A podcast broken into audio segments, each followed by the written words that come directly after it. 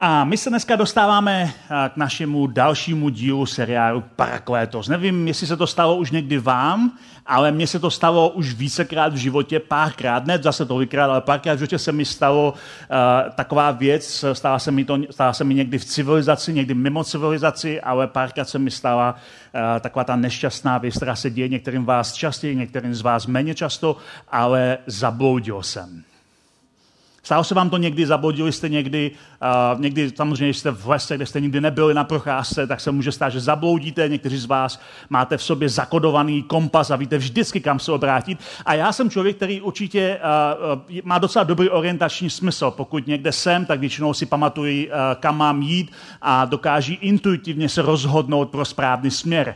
Uh, mám to v sobě zabudované a většinou se nestrácím. Uh, ale párkrát se mi to stalo a o to větší překvapení to pro mě bylo bylo, když se mi to stalo, když jsem zabloudil. A pamatuju si na jeden takový moment, kdy se mi to stalo poměrně nedávno, byl jsem před několika lety, jsem měl dva dny volna v New Yorku, někde na cestě mezi dvěmi městy a tak jsem tam, tak jsem tam byl na procházce a jedno, jed, v dvou dnech jsem se rozhodl, že udělám si projížďku lodí okolo ostrova Manhattan, protože Manhattan je ostrov, možná to netušíte, ale dá se kolem něho obět lodí, kolem dokola, takže jsem si zaplatil lodní výlet, ale to ráno, když jsem se probudil, tak strašně pršelo.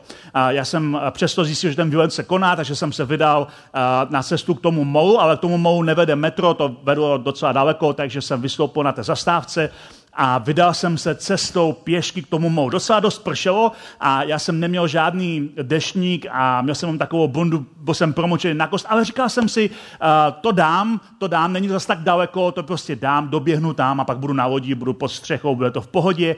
A všiml jsem si, že uh, když začalo lít, že se dali koupit rychle deštníky, že se okamžitě, když začalo počet v New Yorku, to je takové beznisové město, uh, když začalo lít, tak se okamžitě na ulici objevili prodejci, pouliční prodejci, deštníku, ale všichni měli dešťovou přirážku. Deštník, který stál nějakou částku, stál najednou dvakrát tolik a samozřejmě je to kapitalismus, buď si to koupíš nebo zmokneš. Takže já, protože jsem z České republiky, tak jsem se rozhodl zmoknout a rozhodl jsem se, že to prostě dám. A takže jsem se vydal na cestu a směrem tomu molu, říkal jsem si, není to zase tak daleko, asi zhruba dva kilometry, to prostě dám. Takže jsem se vydal rychlou chůzí k tomu molu a po nějaké chvíli jsem začal mít strašně divný pocit. Všimli jste si toho někdy, pokud jste jako já, že když se ztratíte, ale ještě nevíte, že jste ztraceni, že máte divný pocit? To je zvláštní, jak, eh, jak to funguje. Já jsem začal mít silný, divný pocit, že jsem se ztratil, ale zároveň, uh, zároveň jsem si říkal, že nejsem ztracený, vím, že jdu správným směrem. Uh, konec konců se svažuju směrem k tomu molu, že jo, to je ostrov, svažujete dolů, akorát, že jsem se svažoval na druhou stranu toho ostrova. Protože jsem odbočil z toho metra špatným směrem. Takže jsem šel rychle, šel jsem odhodlaně, šel jsem s vírou, ale špatným směrem. A pak jsem došel na jednu křižovatku, kde jsem neměl být, kterou jsem znal. A říkal jsem si tady, co tady dělám?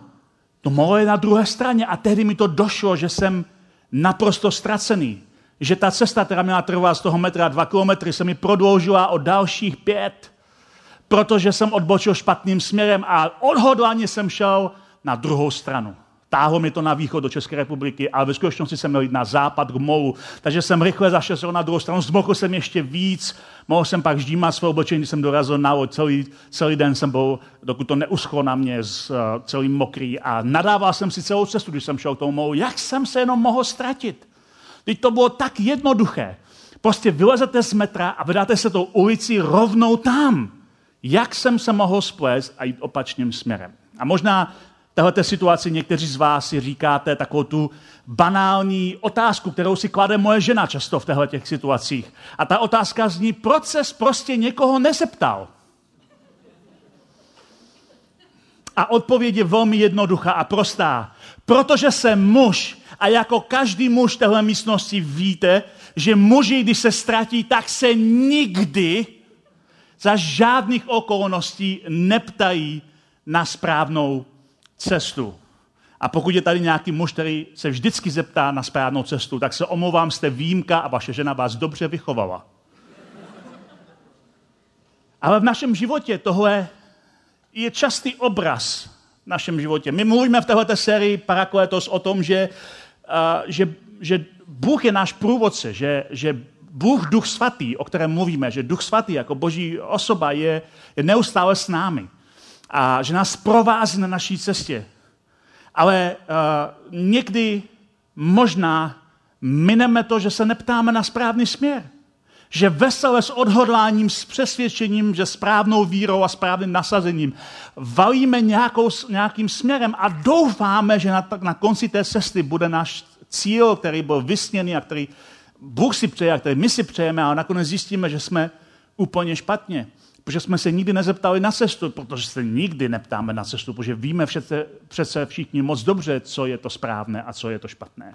A my jsme si tady v těch minulých dvou dílech říkali, že, uh, že když Ježíš byl s těmi svými učedníky u té takzvané poslední večeře, to byl moment, kdy uh, on říká, všechno teď to končí, já budu ukřižovaný, stanu z mrtvých, oni mu nevěří, ne, nerozumí tomu, co říká, tak on tam mimo jiné říká, že, a, že až odejde od nich, a že od nich odejde jistě, ale až odejde, tak pošle parakleta. A to slovo parakletos je řecké slovo, které se dá přeložit různými slovy.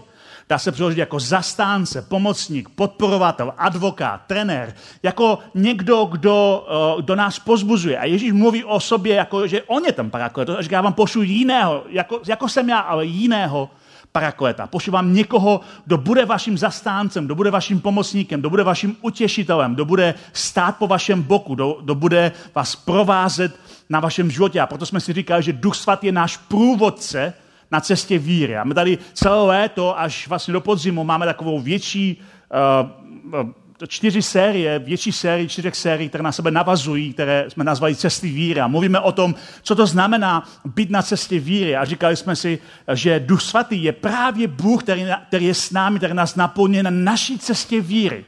Abychom mohli dělat kroky směrem k Bohu a Duch Svatý je s námi na té cestě. Je to někdo, kdo nás podporuje, kdo nás pozbuzuje, kdo stojí za námi, kdo nám pomáhá, je náš průvodce. Duch Svatý je naším průvodcem na cestě víry. A my jsme si říkali, že to vlastně znamená pro nás, že parakletos, to znamená, že na cestě víry nejsme sami, ale že Bůh nás sám provází v podobě svého ducha.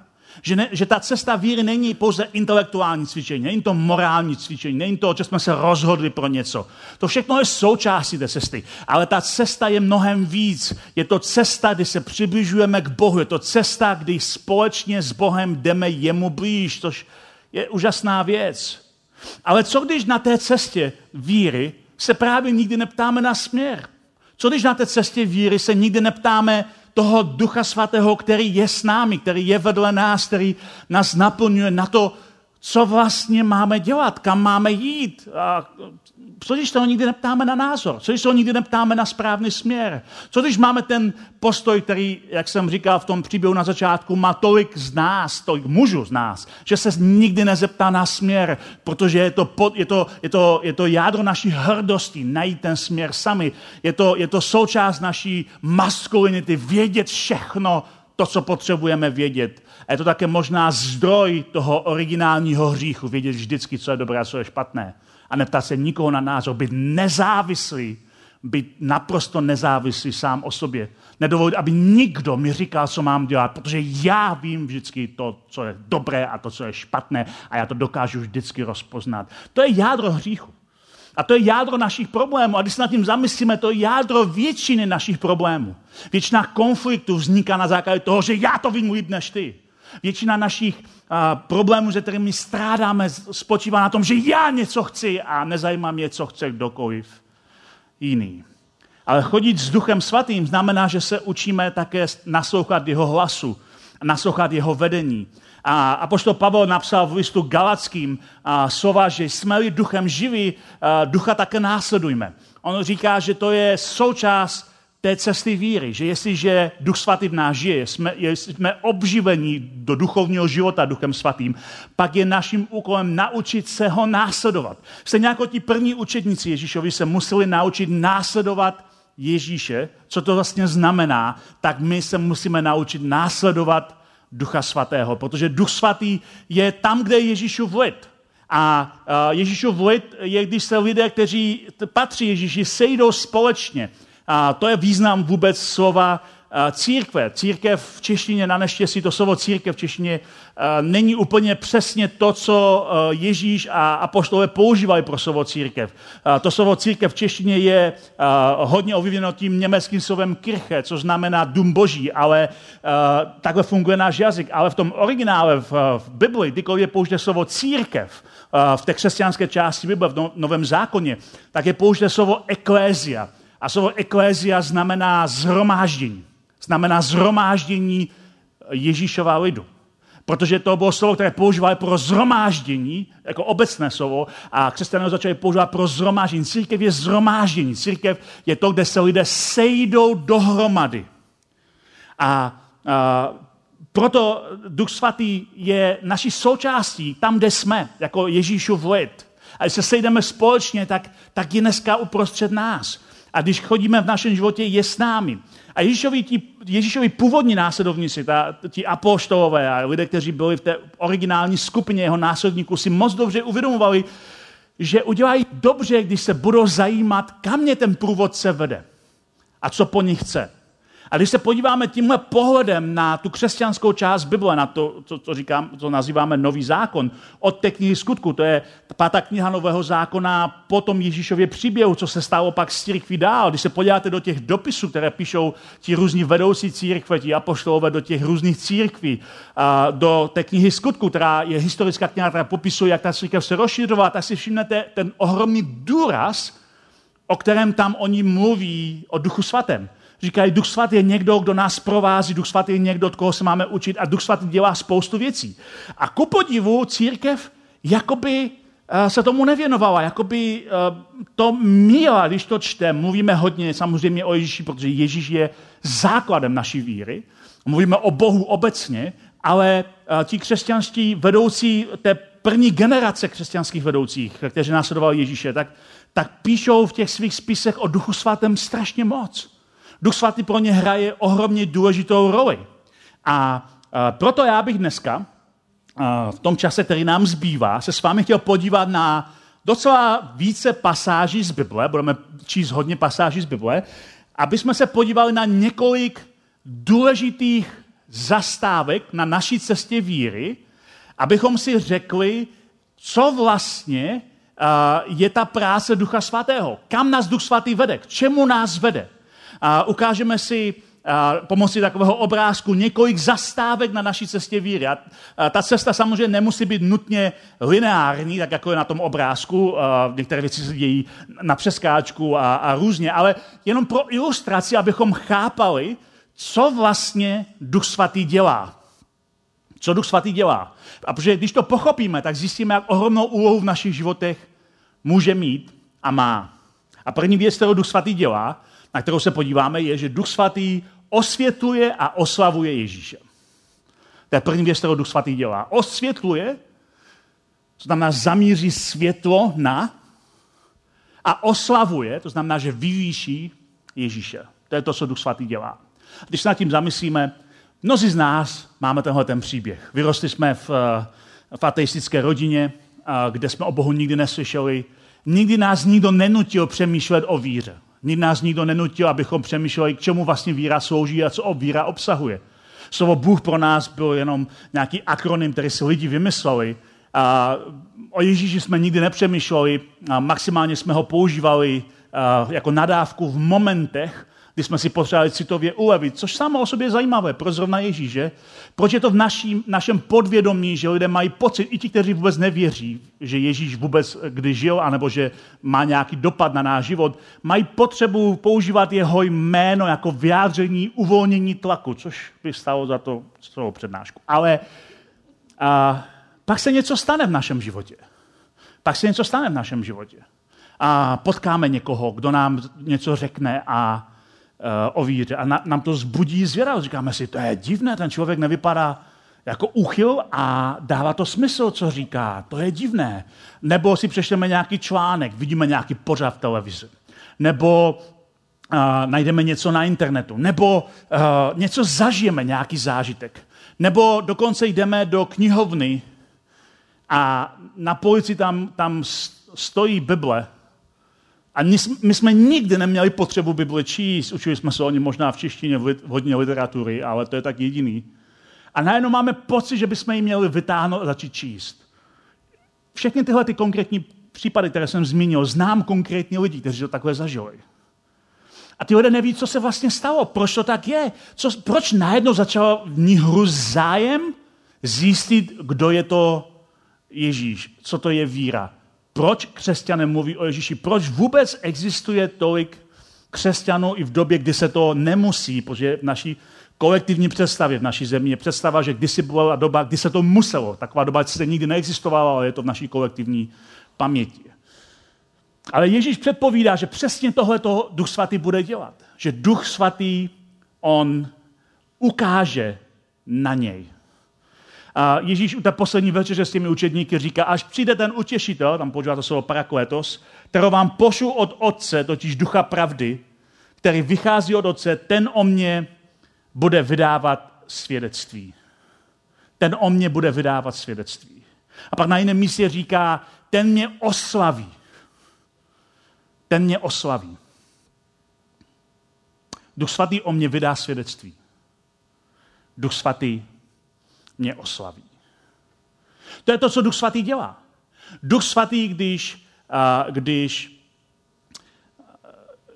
my ho vůbec nevnímáme, v situaci, kdy vůbec nevěříme, že Bůh je, tak Duch Svatý působí skrytě a začne, začne jakoby rozsvěcovat světlo na, na nás.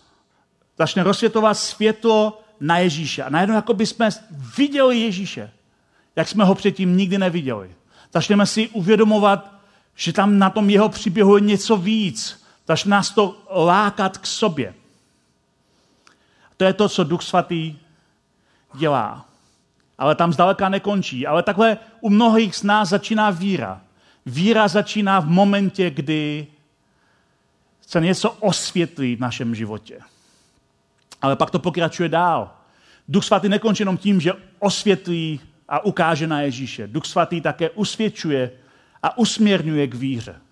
Usvědčuje nás uvnitř, ukazuje nám věci, které jsme udělali špatně a usměrňuje nás k víře. Ukazuje nám nejdřív věci, které nejsou v pořádku. Věci, o kterých jsme vůbec netušili, že v našem životě hrajou nějakou roli, nebo že jsou špatné, nebo že vůbec je tam nějaký problém. Věci, které jsme přehlíželi, které jsme odklízeli eh, do ztracena, které jsme odsouvali, kterým jsme se nevěnovali, věci, o kterých jsme si mysleli, že nejsou žádný problém, tak najednou je vidíme v jiném světle. Začínáme přemýšlet, co se vlastně stalo, proč to vidíme v jiném světle. A nechápeme, kde se to vzalo, to naše nové poznání. Nikdo nám to neřekl, nikdo nám nedá seznam špatných věcí v našem životě. Ale najednou my vidíme některé věci jinak. Jak, se, jak jsme k tomu poznání došli? Byla to práce Ducha Svatého aniž bychom věděli, že je to práce Ducha Svatého. A Ježíš to znovu předpovídá, u té poslední večer říká, až Duch Svatý přijde, odhalí světu, v čem je hřích, spravedlnost a soud. Duch Svatý ukáže lidem, v čem je hřích, spravedlnost a soud. Ukáže, co to vlastně znamená, kde se ty věci v našem životě míjejí s tím, co Bůh chce. Ale zároveň tam ne, nekončí u toho, že nám jenom uh, ukáže, co je špatně v našem životě. Nasměrovává nás k tomu, abychom byli schopni Ježíše vyznat jako svého pána.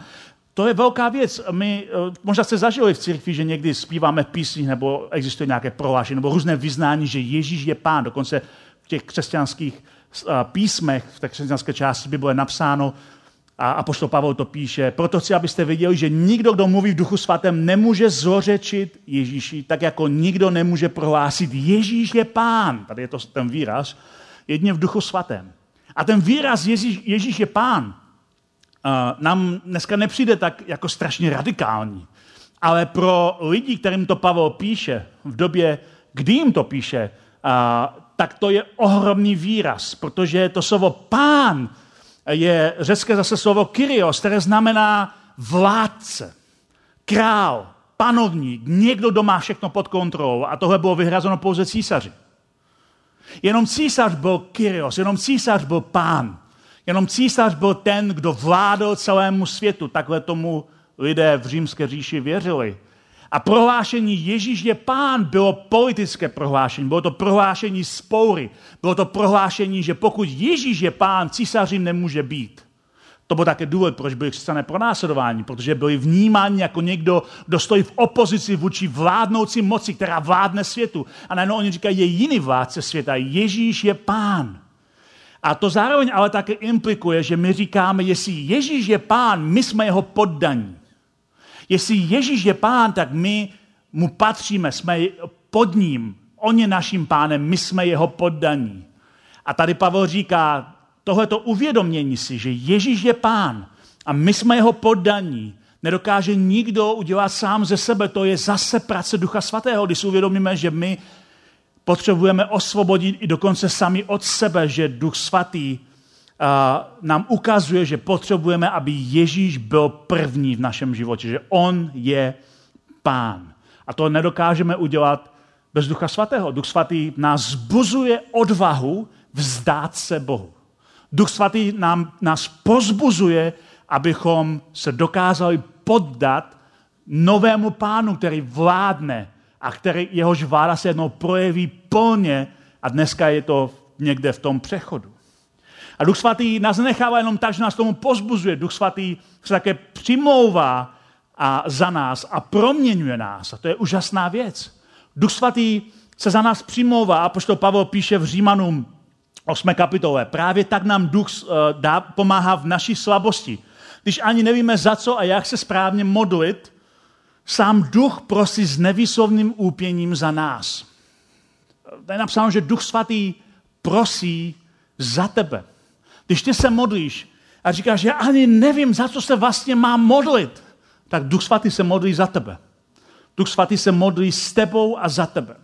A je to úžasná věc mimochodem, protože o Ježíši je napsáno, že Ježíš, protože Ježíš zůstal jako dokonalý člověk, když je Bohem, dneska sedí po pravici Boží a přimlouvá se za nás. A Duch Svatý se přimlouvá za nás, za tím, co je s námi. Takže Bůh Otec slyší přímluvu od svého syna i od ducha zároveň. A oni se přimlouvají za tebe, za tvoji víru, za tvoji odvahu, za to, aby si byl silný, za to, aby si vydržela, za to, aby si nakonec skončila na vítězné straně. Duch svatý se přimlouvá. Duch svatý se přimlouvá a prosí za tebe. A Duch svatý tě také proměňuje uvnitř. Kdykoliv se tě Duch svatý přibližuje víc ke Kristu, tak, tak pracuje na tvém nitru, aby se stalo podobné charakteru Ježíše. Čím víc se blížíš Kristu, tím víc se stáváš podobný Kristu. Ne proto, že ti někdo dá seznam pravidel, ne protože ti dal někdo seznam povinností, co musíš udělat. Někdy uh, tohle, takhle si lidé představují, že funguje svatost. Ale uh, tohle je koncept, který je vlastně různým náboženstvím. Musíš splňovat pravidla, musíš splňovat pravidla. Tady je seznam různých přikázání. To, co po tobě chce duch, je přiblíž se ke Kristu. A když se přiblížíš ke Kristu, začneš odrážet jeho charakter ve svém vlastním životě. A, a Pavel to znovu píše v 2. Korinským, říká, pán je duch a kde je pánův duch, tam je svoboda. My všichni s odkrytou tváří jako v zrcadle odrážíme pánovu slávu a tehdy jsme pánovým duchem proměňování k jeho obrazu od slávy ke slávě. Když, když odrážíme, když se přibližujeme ke Kristu a odrážíme tu, ten jeho charakter na sobě, tak vevnitř nás se děje proměna, která trvá, ale která je jistá. A to je jedna z věcí, kterou, které, kterou si všimne mnoho nevěřících lidí. A mnoho lidí, kteří nejsou věřícími, mi řekli, my jsme si všimli poprvé, jsme začali přemýšlet nad Bohem, protože náš kolega, protože náš manžel, protože naše manželka, protože naše děti, protože někdo, náš, náš, náš přítel, začal věřit Boha a něco se v něm změnilo. Začal se chovat jinak. Začali mít jiné, začali mluvit jinak. Začali mít jiné zájmy, začal, něco se změnilo. A ti lidé většinou to nebylo tak, že si řekli jednoho dne, tak jsem křesťan, tak co můžu a co nemůžu dělat. Nikdo nepracuje se seznamy. Takhle. Ale zkrátka na sobě odrážel, začali odrážet Kristův charakter, čím více se přibližovali Bohu a ostatní lidé si toho všimli. Řekli si, na tobě něco je jiného. Nevím přesně, co to je, nevím, co je toho jádro, nevím, kde se ta změna stala, ale někde něco se stalo, protože Duch Svatý na tobě pracuje. A Duch Svatý tě proměňuje uvnitř. Duch Svatý tě posvěcuje a pročišťuje tvoje, tvoje nitro. mnoha, mnoha uh, náboženských systémech svatost je skutečně uh, seznam pravidel, které potřebuješ udělat. Křesťanství nezná seznam pravidel. Všimli jste si to na rozdíl od židovských písem, kde je desatero a spousta dalších přikázání, celkem 613 různých přikázání je ve starém zákoně. Nový zákon říká pouze jednu věc. A to je, aby si miloval tak, jako miloval Ježíš. A ta láska dokonce je dar ducha, k tomu se dostanu za vteřinku. Protože je to duch svatý, který v tobě působí nový charakter. Není to tvoje odhodlání změnit svůj život. Je to duch svatý, který působí tobě změnu tvého charakteru. A pošel Pavel píše v 2. tesalonickým. Za vás, bratři, uh, milovaním pánem, však musíme stále děkovat Bohu. Ten, od vás, ten vás od počátku vyvolil, abyste skrze posvěcení duchem a víru v pravdu byli spasení. Abyste skrze posvěcení duchem, Duch Svatý tě posvěcuje. Svatost není rozhodnutí, svatost je přiblížení.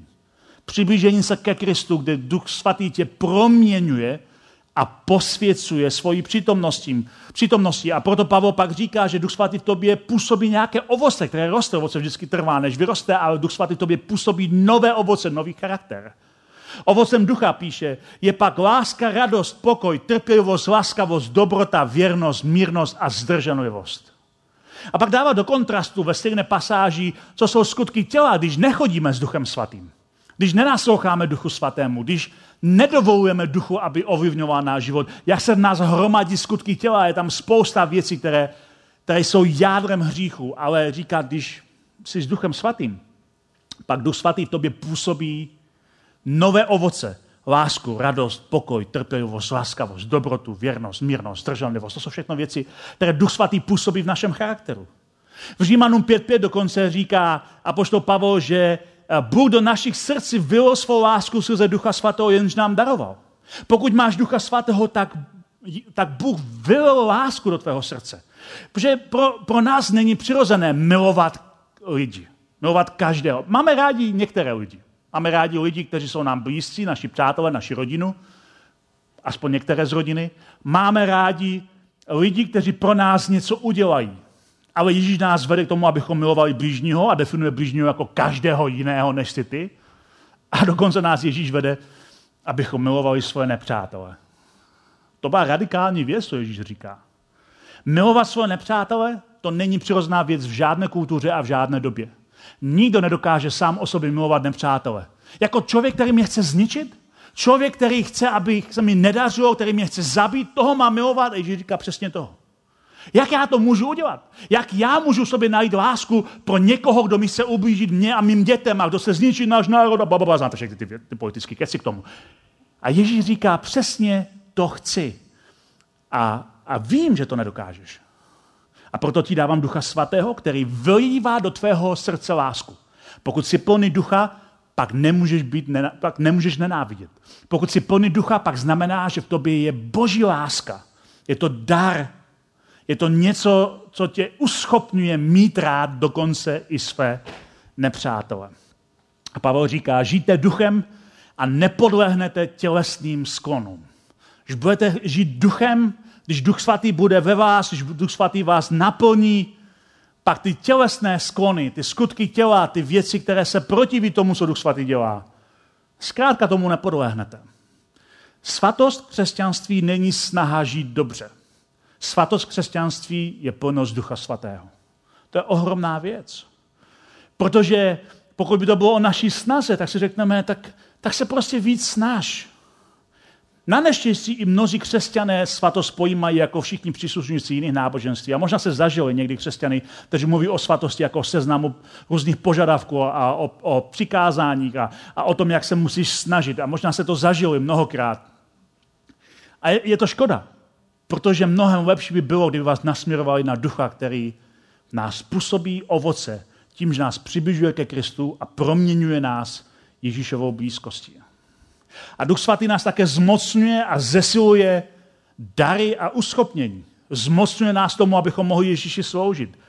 Zesiluje v nás dary, dává nám uschopnění. Dary jsou nadpřirozená uschopnění. Dělat věci, které bychom nedokázali lidskou schopností. A často to je spojené s našimi přirozenými talenty, někdy také ne, ale je to něco, co nás uschopňuje dělat věci pro užitek jiných křesťanů, které uh, bychom nebyli schopni dělat sami bez toho daru. Duch svatý dává dary. Uh, Lukáš píše ve skutcích, Ježíšová slova předtím, než odchází svých učedníků, přijmete moc Ducha Svatého, přicházejí jsou na vás a budete mými svědky v Jeruzalémě, Judsku, Samaří až na sám konec světa. Ježíš říká, budete zmocněni duchem. Dostanete Ducha Svatého a ten, vás, ten, ten, ten bude jako pro vás novou mocí. Zmocňuje, Duch Svatý zmocňuje. A Pavel píše hodně velkou část uh, některých dopisů o tom, že je to Duch Svatý, který rozhoduje, jaký duchovní dar, jaký dar ducha, jaký nadpřirozené uschopnění k něčemu ti dá. A v, Korinský například říká, to vše ale působí jeden a ten týž duch, který obdarovává každého jednotlivě, jak sám chce. Duch Svatý tě chce obdarovat. Duch Svatý ti chce podarovat to, co potřebuješ tomu, aby si mohl dobře sloužit Ježíši.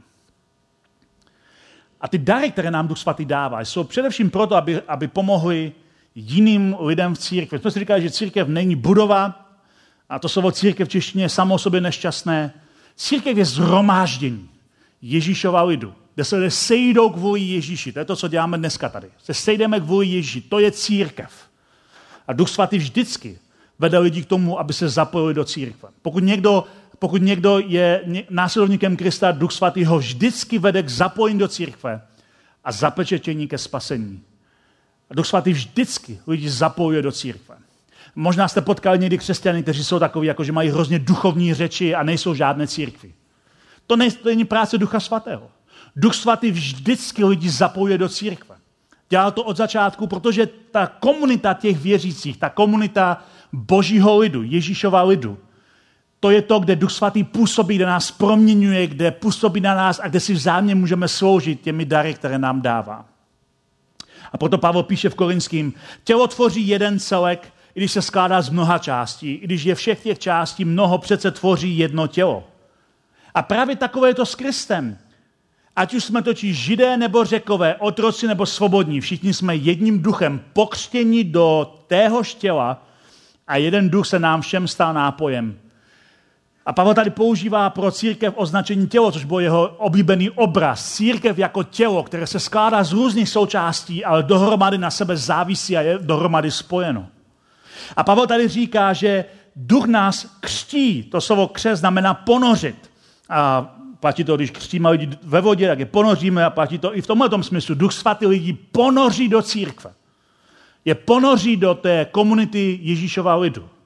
A říká, ať už jsme, všimněte si to, co tady říká, ať už jsme židé či řekové, otroci nebo svobodní. Proč tady Pavel vypichuje zrovna tyhle ty sociální nebo etnické rozdíly? Protože v té době a i na mnoha místech v dnešní době tohle jsou lidé, kteří spolu nemají nic společného. V té době židé nechtěli mít nic společného s pohany, z řeky. A řekové se nechtěli kámošit s židy. To byly oddělené skupiny, které spolu nechtěly mít nic společného, ale v církvi jsou dohromady. Církev ruší etnické hranice, říká, všichni jsou vítáni, ať je to žid nebo řek. Otroci a svobodní se nemixovali, neměli, nebyli spolu, neměli spolu přirozené vztahy, neměli nic, co by je spolu poutalo. Ale Pavel říká, ať si chudý nebo bohatý v tomhle významu dneska, ať si otrok nebo svobodný, v Kristu se, se stírají tyhle ty sociální hranice, protože v Kristu jsme všichni ponoření do jeho těla, jsme ponoření do církve a sloužíme si vzájemně. A proto nás také zapečeťuje k tomu dní, kdy nás vykoupí finálně. Efeským říká, v něm jste i vy, když jste uslyšeli slovo pravdy, totiž evangelium o vaší spáse a uvěřili mu, byli označení pečetí zasybeného ducha svatého. Ten je závdavkem našeho dědictví zaručuje, že Bůh vykoupí své vlastnictví. To, že Bůh nám dal Ducha Svatého, je pro nás závdavek, záruka, že Ježíš dokončí celou tu práci spasení a že jednoho dne se nás vezme. To jako snubný prsten, který nám dává jako slib, že jednoho dne bude za svatba, které poeticky se v těch křesťanských písmech píše jako o svatbě beránkové, která bude v tom novém, uh, novém Jeruzalémě, který združuje nové nebe a novou zemi, které se protnou dohromady tam To bude slavnost, kdy dojde k vyvrcholení dějin a Duch Svatý dneska je slib toho, že to jednoho dne se skutečně naplní. Duch Svatý nás naplňuje a nasměrovává k moudrosti. Když jsme plní ducha, tak, tak zároveň jsme vedeni k moudrosti. Efeským Pavel píše, pečlivě dbejte na to, jak žijete, nechovejte se jako hlupáci, ale jako moudří lidé. Využijte svěřený čas, protože doba je zlá, nežijte v nevědomosti, rozumějte pánově vůli, neopijte se vínem, což vede k prostopášnosti, ale nechávejte se naplnit duchem. Když budete prosit ducha, vás naplní, budete zároveň moudří. A mnozí z nás to dělají každé ráno. Se modlí dneska pro dnešní den. Duchu svatý napomně pro dnešní den. Napomně pro každé rozhodnutí, které budu dělat. Napomně pro každé, každou cestu, na kterou se vydám. Duchu svatý naplň mě dnešní den. Duch svatý hraje ohromnou roli v našem životě a mohli bychom najít ještě další místa, co Duch Svatý dělá v těch křesťanských písmech. Toho je opravdu hodně těch odkazů. A já se vám snažím jenom říct dnešní ráno, že někdy, když bloudíme v životě, možná bychom udělali dobře, kdybychom se zastavili a zeptali se Duchu Svatý, kam mám jít. Co mám přesně dělat. A ukaž mi, jaký Bůh doopravdy je. Protože možná jste si všimli, že existují lidé, kteří jsou křesťané, kteří se považují za věřící lidi a kteří ztrácejí svoji víru. Kteří prožívají pochybnosti a říkají, jak to vlastně je a, a e, Bůh přece nemůže dělat tohle. A mnozí z nás totiž uslyšeli a uvěřili falešným obrazům Boha. A jedna z věcí, kterou Duch Svatý dělá, je, že nás uvádí do veškeré pravdy a to také zahrnuje to, že boří, bourá naše falešné představy o Bohu. A celý ten proces, kdy my něco si stavíme v hlavě a Duch Svatý nám to někdy zbourá, abychom začali na novo, je důležitý proces, který se stává v životě mnoha věřících lidí, dokonce možná každého. O tom ovšem budu mluvit příští týden. Takže doufám, že přijdete. Příští týden budu mluvit o, o tom, že v našem životě my něco stavíme, ale pak přijdu do našeho života pochybnosti, kdy něco, čemu jsme uvěřili, nějaká představa, nějaký verš Bible nebo něco konkrétního se nám zbourá a my vlastně nevíme, jak dál. Uh, a pro mnoho lidí to znamená také dekonverz, že se odvrácí od křesťanství pryč. Ale Duch Svatý chce udělat něco jiného než dekonverzi. Chce udělat dekonstrukci a rekonstrukci. Říkáte si, to zní technicky. A pokud vás to fakt zajímá, příští den o tom budu mluvit trochu víc.